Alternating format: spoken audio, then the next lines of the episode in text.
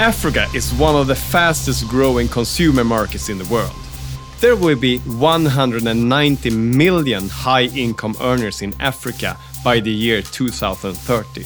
The new African Continental Free Trade Area Agreement is the world's largest free trade area and projected to boost intra African trade from 17% to 81% by the year 2035. This presents opportunities in manufacturing, consumer goods, healthcare, and digital technologies.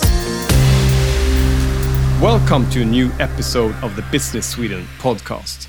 This podcast is all about doing global business from a Swedish perspective. My name is Christopher Skötqvist, and I'll be your host for this episode. And today we're going to talk about doing business in Africa. We're recording this episode from a small studio in Stockholm in April 2021. And online from Nairobi, we have the Market Area Director of Africa and Trade Commissioner in Kenya. Did I get that right, Andreas? Yes, Christopher, that's absolutely right. Hi, really good to be on this uh, podcast today with you. So, Andreas, let's get clear about one thing before we start this. Africa is not one homogeneous market. It's not a country. It's it's a lot more diversified than that. Yeah, that's absolutely right. So when we talk about Africa, of course, we have a huge continent. It's uh, 54 countries. Uh, it's uh, big differences between the countries with different political backgrounds, different languages, different cultures, different maturity, so to say. And uh, of course, then we also have the difference within the countries. You know, you travel from the capitals to the countryside, and uh, it's like traveling from one world to the other. And uh, very often, you can say that you know life in capitals, uh, regardless of you know where, where, on which continent this capital is, uh, can be quite similar, or at least more similar than within a country. You know, traveling from capital to the countryside, and you face another world. So yeah, very much of um, big continent, huge differences. And Business Sweden has three hubs in Africa. Where and why are they located? So we established quite a while ago in Africa, I would say. We've had an office in South Africa for, for many, many years, uh, decades even. And uh, uh, that office is still going strong. Uh, we have a good team of consultants down in South Africa. On top of that, we have our office in Casablanca, Morocco. It's also been around for, for a long time. Uh, I can't even recall when that was uh, founded, but it's also been around for, for many, many years. Uh, and the office where I'm sitting in Nairobi, in Kenya, has been around for just over a decade. Uh, established here in 2007-8, and uh, also right for the moment the biggest office on the on the continent. Um, and we collaborate very, very tightly as, uh, as one hub. Um, one team of about 20, 25 consultants uh, covering the continent out of these uh, three footprints. And then we have had other offices in, in other countries as well for, for different periods of time, for different purposes. And, and uh, you know, uh, when things are bubbling in one market, we've had offices open in other places as well. But yeah, three offices for the for the moment, and uh, a very strong team of competent people. And Andreas, I know that you previously worked in Russia. How did you end up in Nairobi? Yeah, so I joined Business Sweden back in 2014. Uh, and as you say, that was in Russia. I was um, yeah currently working in St. Petersburg for one of the Swedish banks there, and um, there was an opportunity to join Business Sweden. And I thought it was really really exciting, and um, well, that coincided with uh, well the all the Crimea events and the sanctions and, and everything. So it was a very turbulent period. Um, moved moved from St. Petersburg to Moscow in 2015, and then stayed on there for for a few years until um, two years ago now, 2019 uh, when this opportunity opened up. And you know, I, I, hadn't ever been to the African continent at all. You know, not even the Canary Islands or or diving in uh, Sharm el Sheikh or anything. Um, but um, basically, my boss just uh, said, "This opportunity is opening up. Would you be curious and interested in in taking on Africa?" And uh, well, I'm a bit of an adventurous person, I guess. So um, basically, signed the contract and then traveled to Africa uh, for the first time, and uh, and absolutely loved it. Uh, you know, because of the situation, I haven't been around that much. You know, I haven't seen it all yet, but uh, ticked off some uh, five countries so far, and and I must say it was a really good decision. A very exciting place to be and a continent to be in, and very interesting stage as well to be here. Today, we're going to talk about uh, the things that is happening on the African continent. A lot of stuff is going on, but we can't talk about business without addressing the current COVID 19 situation. I know that you cannot give one answer for this, but what is the situation right now? Yeah, it's very much what we say, and and um, and, and also coming back to the fact that there are so many countries on this continent, uh, there isn't one answer that that covers the whole picture. Uh, but obviously, COVID has hit us all, uh, no matter where we are in the world, and, and definitely it has uh, made a huge impact in Africa as well. And we have different responses from different countries. Everything from some countries like you know Tanzania, Burundi that didn't really recognize COVID at all and ended up with actually deceased heads of state. I don't know if it's as a result of it or not, but um, at least there was no COVID response whatsoever to many other countries that have taken much stronger and stricter measures, such as Kenya, for example, where I am, and uh, South Africa with uh, lockdowns and closed schools and uh, you know heavy measures, heavy-handed measures that has, uh, of course, impacted the economy and uh, hopefully kept people uh, healthier and safer during this period of time. So hugely different responses to COVID. But obviously, it's the same kind of situation as anywhere. People are dying here as well. The economies are suffering, and uh, it's uh, it's a very difficult challenge that we have globally, and it hits here just as it does everywhere else. But still, you think it's really important to talk about the business opportunities in, in Africa going ahead. So, so what is happening on the African continent today? If you, you know, in the big trends, what are what are what are affecting the business? Except for the COVID 19 situation? Yeah, absolutely. I mean, of course, uh, the COVID nineteen is impacting us definitely, uh, but we have, you know, we have the underlying trends, and they are they are so strong. And I think we have seen a bit of an inflection point here a few years ago, where, you know, the the the, the growth, the population growth uh, with a very young population, very young workforce uh, on the African continent is just growing so rapidly. We are about at, at about 1.3 billion people on the African continent at the moment, and this is projected to grow by half a billion people uh, in the next uh, coming decades here. And, and with this, we also see a rising African middle class. Uh, so, of course, all the people uh, do not kind of gain economic independence and, and, economic growth at the pace of the, let's say, the GDP or the total population growth. Uh, but we see a rise of the African middle class as well. And you mentioned one number here in the very beginning in your intro statement of um, you know, 190 affluent consumers in the in the next decade to come. And, and that's a very, very important uh, figure, I would say. Maybe not the exact number here, but the fact that we see a, a rising African middle class in the big cities of the continent uh, that have the same consumer patterns like, like you and me. You know, we go into a supermarket, we pick uh, something from a shelf, we scan a barcode, we check out with you know, card payment or a cash payment or even a mobile phone payment. And, and this rise of, uh, of an affluent, normal kind of consumer that we are used to seeing from, from our home markets is something that is hugely interesting. And then, of course, we have all these other things. We have a new head of WTO from Africa that would hopefully put, you know, Africa's agenda points, you know, on the on the larger agenda uh, in the years to come. And, and obviously, this new trade agreement, which I see as one stepping stone or one part of, of these larger trends and larger developments, that is also hugely important to to look at and what how how how we see the impacts of that coming into place in the years to come here.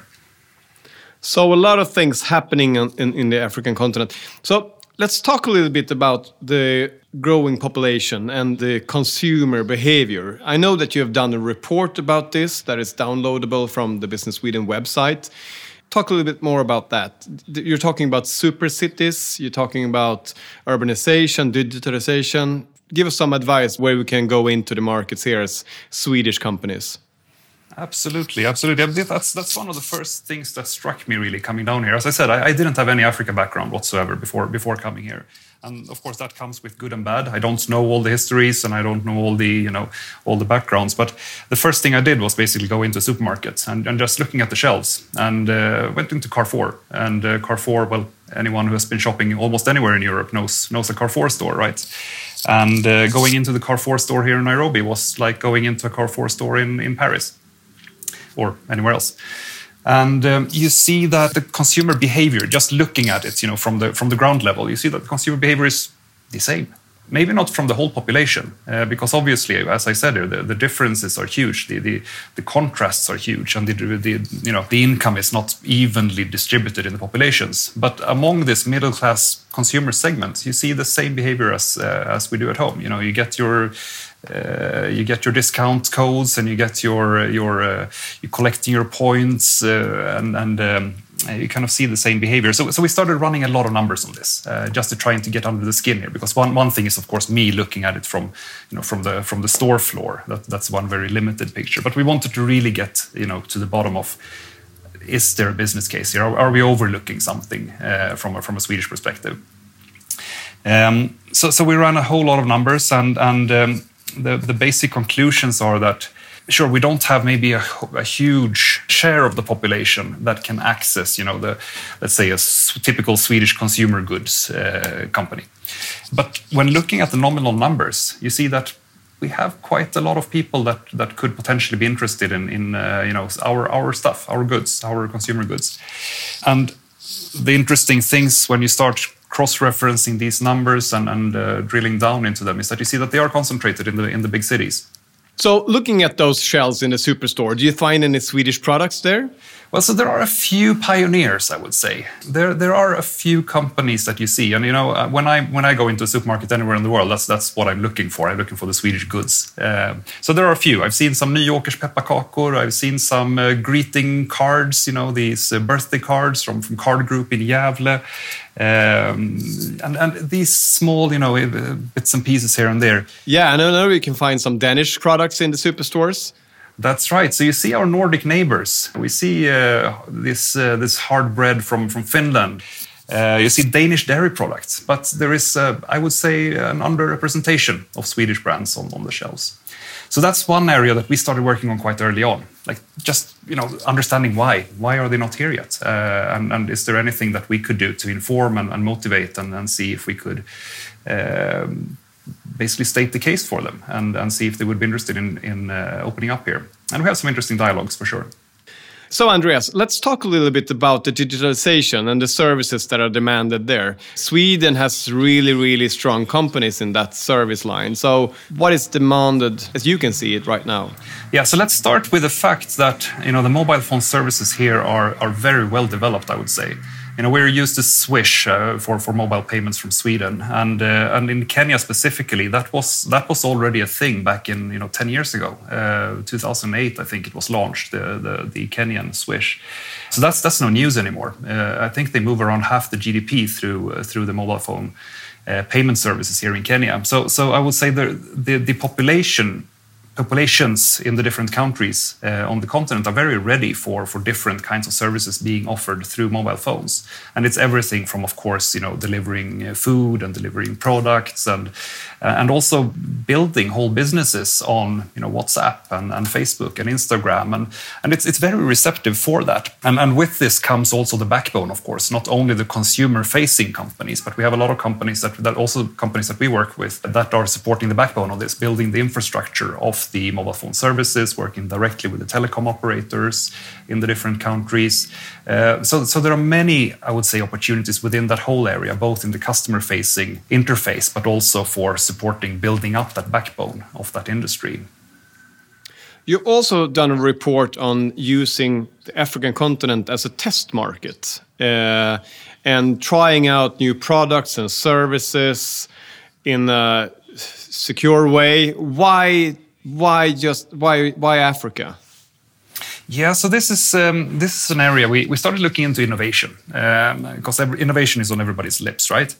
So, so we wanted to find out where is innovation happening in Africa, and and it might not be the the typical you know uh, product innovation that we that we immediately think of when we talk innovation. You know, people running around in a lab and, and innovating new materials and, and stuff.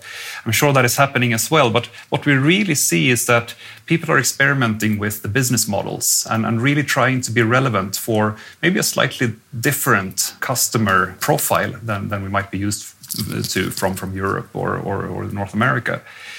and um, and we see a lot happening here in in you know different last mile delivery services in terms of uh, you know how you can use these mobile ready populations for for different things. So so one one of our conclusions there was you know if you can if you can innovate if you can be relevant here.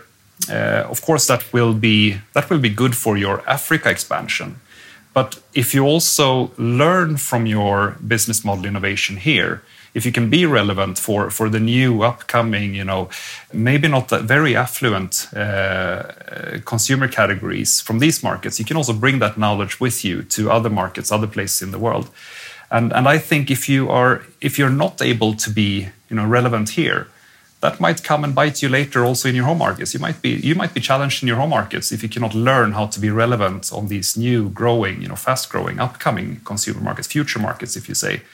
Uh, so we think there is a whole case here, and we, we continue to to investigate this and, and do projects with a few companies uh, around you know how how you innovate in your in your business model to be relevant here. So this is a work in progress. We have released the first report on this. Uh, also available on our page, uh, and and uh, and we continue to to really dig down into this and and and want to you know really work together with some companies in in you know in, in addressing these innovation issues. Yeah, sounds really interesting, Andreas. What would be your advice for me if I want to address this? And I said, like, yeah, let's try out some of our services or products in Africa. Who could I contact? Well, obviously, we would we would love to have that kind of conversations, but we're obviously not the only ones either. Um, so what we identified is we have pretty big startup hubs in a few places. It's not all over the continent. That Once again, you know, you, you come back to the same cities, the same countries over and over again. And we have big, you know, innovation hubs, tech hubs, startup hubs, if you like, in cities like Cape Town, uh, in Lagos in Nigeria, here in Nairobi, Rwanda, Kigali is a very interesting spot as well, with a lot of international companies coming there um, to uh, to build on their on their innovations processes. Companies like Volkswagen in Rwanda. Uh, now we have Norrsken coming in and establishing in Rwanda. So it's a lot happening in the area, and, and obviously we would love to be, you know, part of those uh, conversations. But we can also, of course, you know, guide to other parties, and, and there are a lot of other Uh, parties to, to interact with as well. Okay, Andrea, so let's jump into the business to business opportunities. We previously did an episode here about the mining industry, and Sweden are really successful around the globe in mining. But what other areas are, are going on in the business to business sector? For sure. I mean, let's start with mining. It's it's an important area for sure, and and we we have ongoing programs both from our uh, you know southern African countries uh, and and also up in in uh, West Africa. Important for our mainly for our you know technology providers into the into the mines, and of course it's it's a very important sector, building up you know large shares of some countries' GDP and so on. And it's a sector in in reformation and and a sector in uh, you know that is that is you know coming into a more mature stage. You know, we read a lot of stories that are, you know, uh, not very pleasant on, on how it used to be and how it still is in some places. But but there are also increasingly, you know, mature, modern, uh, sustainable companies moving into this area in, you know, good cooperation with uh, with good gov governance as well in, in some countries. So so one important sector for sure but you can also talk about you know the manufacturing industry, renewable energy, and uh, and numerous other sectors that are also you know seeing an interesting development uh, in in the years to come here. So we can we can talk about any of those for you know at length. We can fill a, we can fill a whole episode of you know every single one of these industries, but. Uh, so a lot of opportunities in both business to business and business to consumer. But in every episode that we record here, talking about uh, doing business in the in the global world, we always talk about the Swedish brand and how that is reflected by the consumers or or the businesses. What's your take on that? Yeah, for sure. We the thing is, we have a long history in Africa, Christopher. You know, we've been around in different shapes and forms for, for centuries here. But but let's take modern history um, and uh, and I would say the strongest influence would probably be through the different bilateral aid programs that we've had. Uh, Sweden has done an impact in, in so many of these countries in you know building up healthcare, building up schooling, building up you know skills development in, in different areas and industries. So, so Sweden is extremely well perceived overall from a, from an aid perspective, but but also from a business perspective. You know, I drive around in a Volvo here in in uh, in Nairobi, and uh, there are a few Volvos on the streets, but but it always opens, you know, it always gives some some impression when I when I come to a meeting uh, in my Volvo here, and people start talking about, you know, oh, when I was small, back in the 80s or even back in the 70s, you know, that was the the most prestigious car you could have. Um, so, so there is there is a connotation with Sweden. People know what Sweden is, either from this whole aid and, and uh, skills development, capacity development, and building up kind of the, the functionality of, of the different states here, but also from the consumer brands. And, and many of these consumer brands have been around for a long time. I don't know if you knew, but but Kenya was actually the first foreign market, if I'm correctly informed here, by Tetra Pak. They established their foreign production here in the 60s, around the time of the uh, of the Kenyan independence, and that was, if I remember right, the the first foreign establishment of a Tetra Pak company outside Sweden. Oh, I didn't know that. Yeah, Swedish companies have been here for ages. Atlas Copco as well. Ericsson uh, just talked to them about Ethiopia last week and uh, they say they have a 120 years history in Ethiopia. I mean, not many companies can, can compete with that. So, so yes, uh, people know what Sweden is. Uh, and and the general connotation is uh, positive to extremely positive, I would say. So so today, I mean, actually, we're going to meet people digitally in Teams meeting and so on. But uh, traveling in Africa and meeting people as a Swede, what do I need to think about, and how do I prepare myself to make a good impression? Oh, tricky question again. You know, I would say meeting the urban, uh, well-educated, um, you know, business uh, circles in the capitals. That's one thing. You know, very often you meet people with uh, very good level of English, with uh, you know, education from foreign countries, and I wouldn't say that the there is a huge difference on how you encounter people that I meet here uh, with the people I encounter in Russia, in Stockholm, in London, or, or anywhere else. But obviously, we come back to the differences, and, and knowing something about the context you're in is always very valuable because obviously, you know, people are always proud of who they are. Uh, you know, no matter no matter where you are in the world, people are always proud of who they are. So if you if you have an idea of the cultural context you're in, that's always a huge plus you know learn a few words in the in the local language uh, make sure that you kind of have have an idea of the, issues that you should or should not uh, you know touch upon in in the different contexts. So, so it's always good to have a little bit of you know a, a, first contact with someone who can guide you a little bit on the on the local uh, specifics in the different countries here.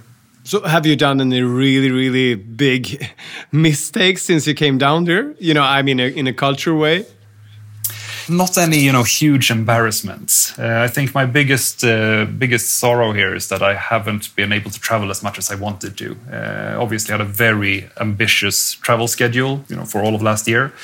Um, but you know, because of COVID, it basically just came came down to Nairobi. You know, equipped our house and then traveled around the, the countries nearby, and then COVID hit. So I haven't really been able to travel as much as I would have wanted to do, either within Kenya or or uh, on the continent but of course, you you realize how little you know, or I realized how little I knew. I knew, uh, you know, going to Ethiopia for the first time, and and the people start telling you about how important Sweden is to Ethiopia. I had no idea. You know, we have we have been running hospitals there since the I think it's 1930s, 1940s or something, and the relationship between the countries bilaterally going back to you know the. Uh, the, the, the 1910s, 1920s, 1930s. I had no idea about that. Uh, so I would say maybe more out of you know lack of knowledge and lack of you know uh, lack of reading up uh, rather than doing some some huge blunders uh, hmm. when out there in the in the different meetings. Okay, so as always, when I talk with your colleagues, they always say like, "Do your homework before you go there." Yeah. Okay, so let's talk a little bit more about the African Continental Free Trade Area Agreement how is that going to affect business uh, on the African continent? Because this is huge, and this is uh, an agreement that is signed the first of January 2021, so it's fairly new. What is it all about? Yeah, so Christopher, this is a very complex uh, thing here that you're that you're coming to the agreement it, has been signed and it's been de developed and it's been discussed here over over uh, the past you know years years and years. And, and it's something that will continue to develop over the coming years possibly decades. So i would say from the 1st of january this year it's not a huge difference. It's not like we entered a new world on, on january 1st 2021 but it's definitely one important step that is kind of in line with these larger trends i was talking about it's an agreement that is aiming at further integrating the African countries and, and making the African countries trading more with each other. Uh, as you mentioned in the beginning here, the, the intra-continental trade in Africa is down to, I think it's 17%, I think, um, uh, of, of last year or so. And, and it's the lowest of any continent in the world. You know, in, inside the EU, where it's, it's some, somewhere in the ballpark of 80% of the trade goes inside Europe, and here it's 17%. So, so the big aim of this is for the African countries to start trading more with each other. It's sometimes easier, you know, to ship things from from Paris uh, to West Africa than it is to ship a container from one West African country to another West African country. So this whole agreement is providing steps to to further integrate the African economies, and if this succeeds, it's huge. And I think even you know the, the, the work in progress here is also a very very important uh, you know progress an important process for for all these economies to start working on the uh, you know on the tariffs of course but also the other complications here of uh, of trading with each other customs and, and so on. So andreas would you compare this agreement with the european union? Is there something like that or I mean, it's a, it's a relevant comparison, Christopher, but it's, it's not to be seen in many years to come. This is a complex process that is just being started we have different regional agreements already in Africa, uh, you know, in East Africa, in West Africa, in Southern Africa, Northern Africa, and so on. So we have regional uh, free trade areas already, and they are much further developed than what the African, you know, total free trade continental perspective is at the moment. But the the vision is clearly looking at, you know, such a cooperation that we have in in the European Union. So so step by step here, you know, conflict resolution mechanisms will be added tariffs will be lowered, non tariff barriers will be taken away one by one. So it will, step by step, here over the years to come, be easier and easier to trade between the African countries. And, and that's a very important process, even though we're far from there yet. And, and does that mean that a Swedish company should benefit from being placed within Africa in the future? I think like this, and, and in many discussions with uh, with the companies that are curious about the African markets, I, have been saying for the past couple of years here now that now is a good time to get started. You know, dip your toes into the water and and start getting acquainted with the African markets, um, because it is a very fast growing part of the world. It's uh, starting from a low base for sure, but it's a very rapidly growing part of the world and uh, getting well in place now getting in you know still fairly early i would say in many industries. You can you can position yourself well for the late 2020s or, or the 2030s i mean if you have that strategic perspective in your company now is definitely a good time to to start dipping your toes you know. Start building up your partner network on the continent. Start establishing your your first subsidiary on the continent. And because there is already a business case to be made. It's it's large enough to make a business case, you know, here and now, and the future prospects uh, of the continent, if you want, uh, or the different subsets of the continent is um, is tremendous.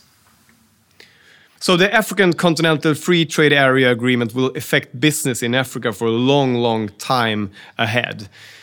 Let's talk a little bit about how that affects manufacturing industry where Sweden is really strong. We've done a lot of episodes about automation and stuff like that. So what's your take on that, Andreas?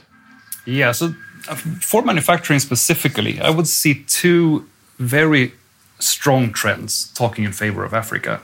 The first one is exactly what you mentioned here. Um, Africa will start producing for Africa. You know, currently, if you buy you know any kind of uh, household goods and, uh, and cars and, and, whatnot, it's very likely that that will be imported from from somewhere else, from Asia, from from Europe, and so on. But making it easier to trade between countries also makes a business case for establishing your production on the African continent, and I think that will grow. Uh, I think it will grow, you know, a, a lot over the coming years and decades here and here is some, you know, an, an area where we are obviously strong uh, in Sweden, supporting the manufacturing industry with tools and, and raw materials and processes and, and, you know digital support and, and, and whatnot. Uh, you also see the whole trend of diversifying your supply chains, especially after COVID, where it was quite visible that you know being dependent on a sole supplier somewhere you know far away in East Asia might not be the ideal way to structure your, your total you know, production and, and uh, your total supply chain. So setting up nearshoring uh, your, your business to countries closer to Europe is, is also a very strong trend. And um, this has traditionally been Eastern Europe, Czech Republic, Slovakia, the Baltic states, and so on but they are running into uh, bottlenecks now. there isn't enough, uh, you know, skilled labor to to um, to get in, in Eastern Europe in, in many places. Um, so so the searchlight goes to nearby market, nearby to, to the European Union, and this can be countries such as Turkey, such as uh, the UAE or Morocco for that sake. Uh, Morocco with a strong industrial base, with ports very near to Europe, with very highly developed developed uh, supply chains to continental Europe. Uh, so I, I, think these two trends will will will um, kind of support each other and and really make the case for for a stronger manufacturing industry on the African continent. And here we have plenty of opportunities for all the Swedish companies kind of feeding into the supply chain, feeding into the manufacturing industry. And previously, there's always talked about the mining industry, which also is a strong field of investment for Swedish companies. And I know that Swedish companies are really strong there already. Let's talk a little bit about renewable energy. What is happening there? Yeah, so obviously, uh, the infrastructure for, for energy is uh, well has a lot of room for development on the on the continent here. Um, some countries have a, a, good production of electricity, but uh, not enough distribution, not enough grid to to channel this produced electricity to to all of its inhabitants many countries have a lack of uh, of uh, produced power. But I think a common denominator is uh, you know lack of grid, lack of grid to get out to the to the last you know mile here to, to the consumers out there that that is in need of the electricity. So so a lot of different projects have been tackling this by building either off grid solutions somewhere far away from the grid, or smaller scale production here with with renewable energy you know, sun is plentiful, wind is plentiful, um, and, and there are opportunities for for you know energy storage combined with renewable uh, energy solutions, be it through battery technology or potentially through hydrogen uh, in the in the well, not even the near future. It's already here in some places uh, where you store energy through, you know, uh, electrolysis process to, to, hydrogen and then reuse it. And, and we have some projects here. It's been, uh, you know, the target of huge uh, aid programs uh, driven by the US, by, by SIDA, and, and by other uh, agencies, and something that quite a lot of Swedish companies are also tapped into, both smaller scale renewable energy technology producers and also the larger ones with the grid technology. Yeah, and I know that Morocco today has the world's largest solar plant, a project where Swedish Actor was involved. Uh, I mean, uh, we're in this business as well. Do you see any other opportunities for Swedish companies here? Yeah, Morocco not only has the largest install base so far, but they also might have the largest, uh, you know, most ambitious plans going forward. So, so this is just this is only the beginning. If I if I read the strategies right from Morocco, and the same kind of tendencies we see in, in many other places as well, with uh, you know uh, sea-based, ocean-based, as well as uh, lake-based, you know, solar panels and and, and stuff, and, and wind coming all over the place. So, so I think we're only seeing the beginning here, and this obviously is opportunities both for the producers, the suppliers of the hardware here, but also the solutions of you know how to make business, how to make a good business model out of you know producing and distributing power in different ways. Yeah, and I mean the the trend of green manufacturing is a global trend that is going on all over the world. We talked a lot about this with uh, David Hallgren in in one previous episode about doing business in the post-corona world. So, Andreas, uh, let's talk a little bit about transportation, which also is an industry where Sweden is really strong. What are the business opportunities there? Yeah, absolutely, and this is also that something that you know comes out of the intra-continental trade here. Obviously, there are a lot of railroads and uh, and, and air traffic, air freight uh, going on in the continent, but the vast majority of all the goods is still being transported by road.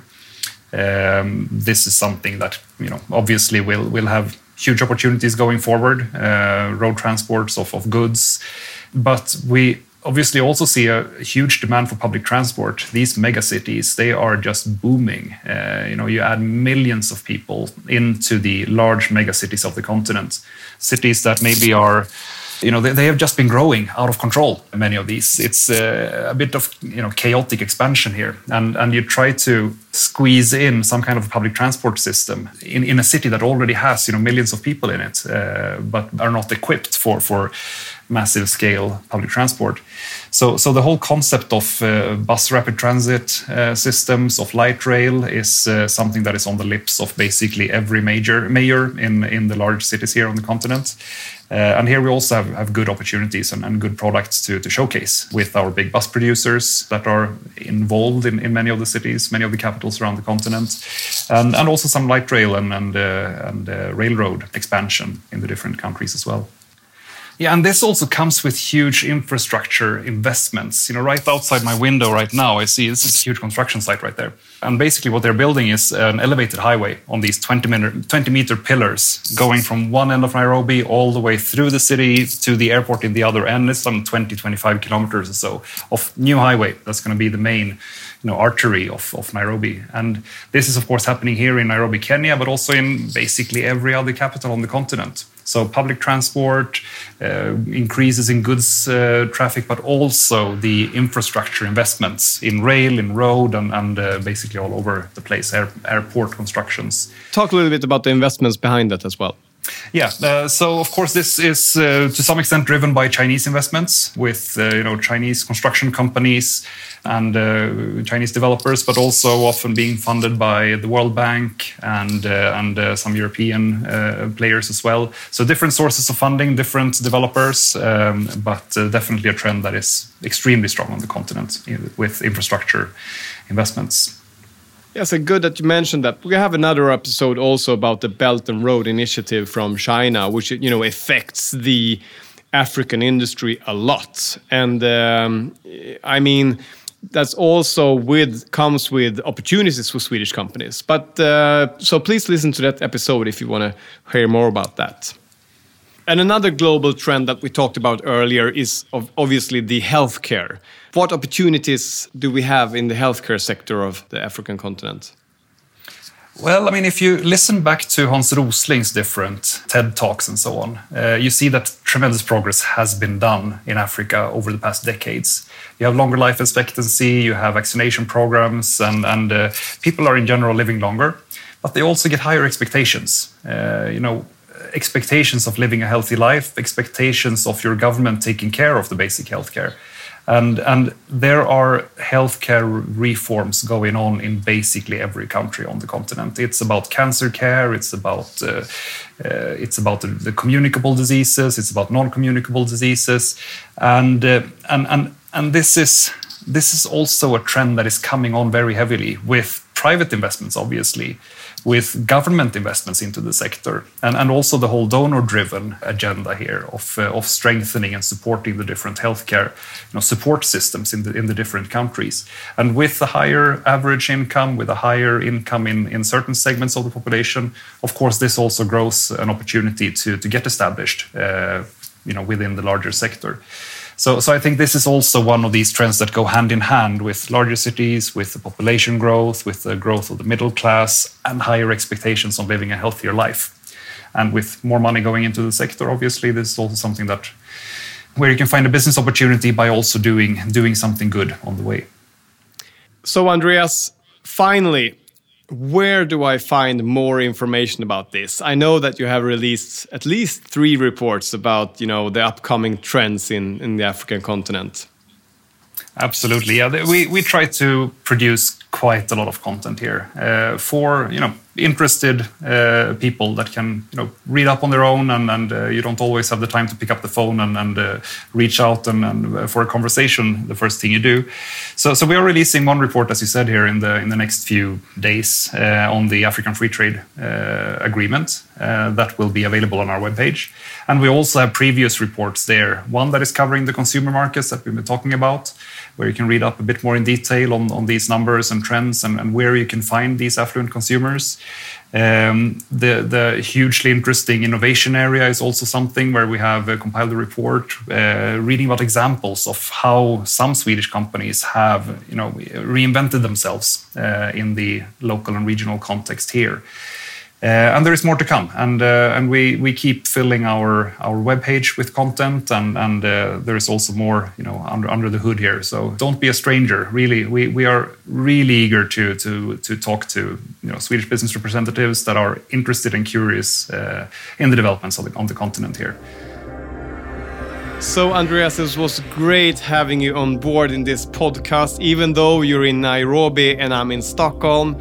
Next time, maybe we can meet up at some exotic resort in, in Africa to record the next episode. Thank you very much for sharing your knowledge, and uh, I'll be sure to download all those reports. Anything else you want to say, Andreas? No, thank you, Christopher. It's amazing what technology can do. So uh, until the next time, I really hope we can uh, have that opportunity and uh, maybe have a Mount Kilimanjaro or something in the background for, for the next podcast. That would be great. And don't be a stranger, really. It's really interesting stuff going on here. So very happy to take any conversation with anyone. Thank you. Fantastic. Thank you very much.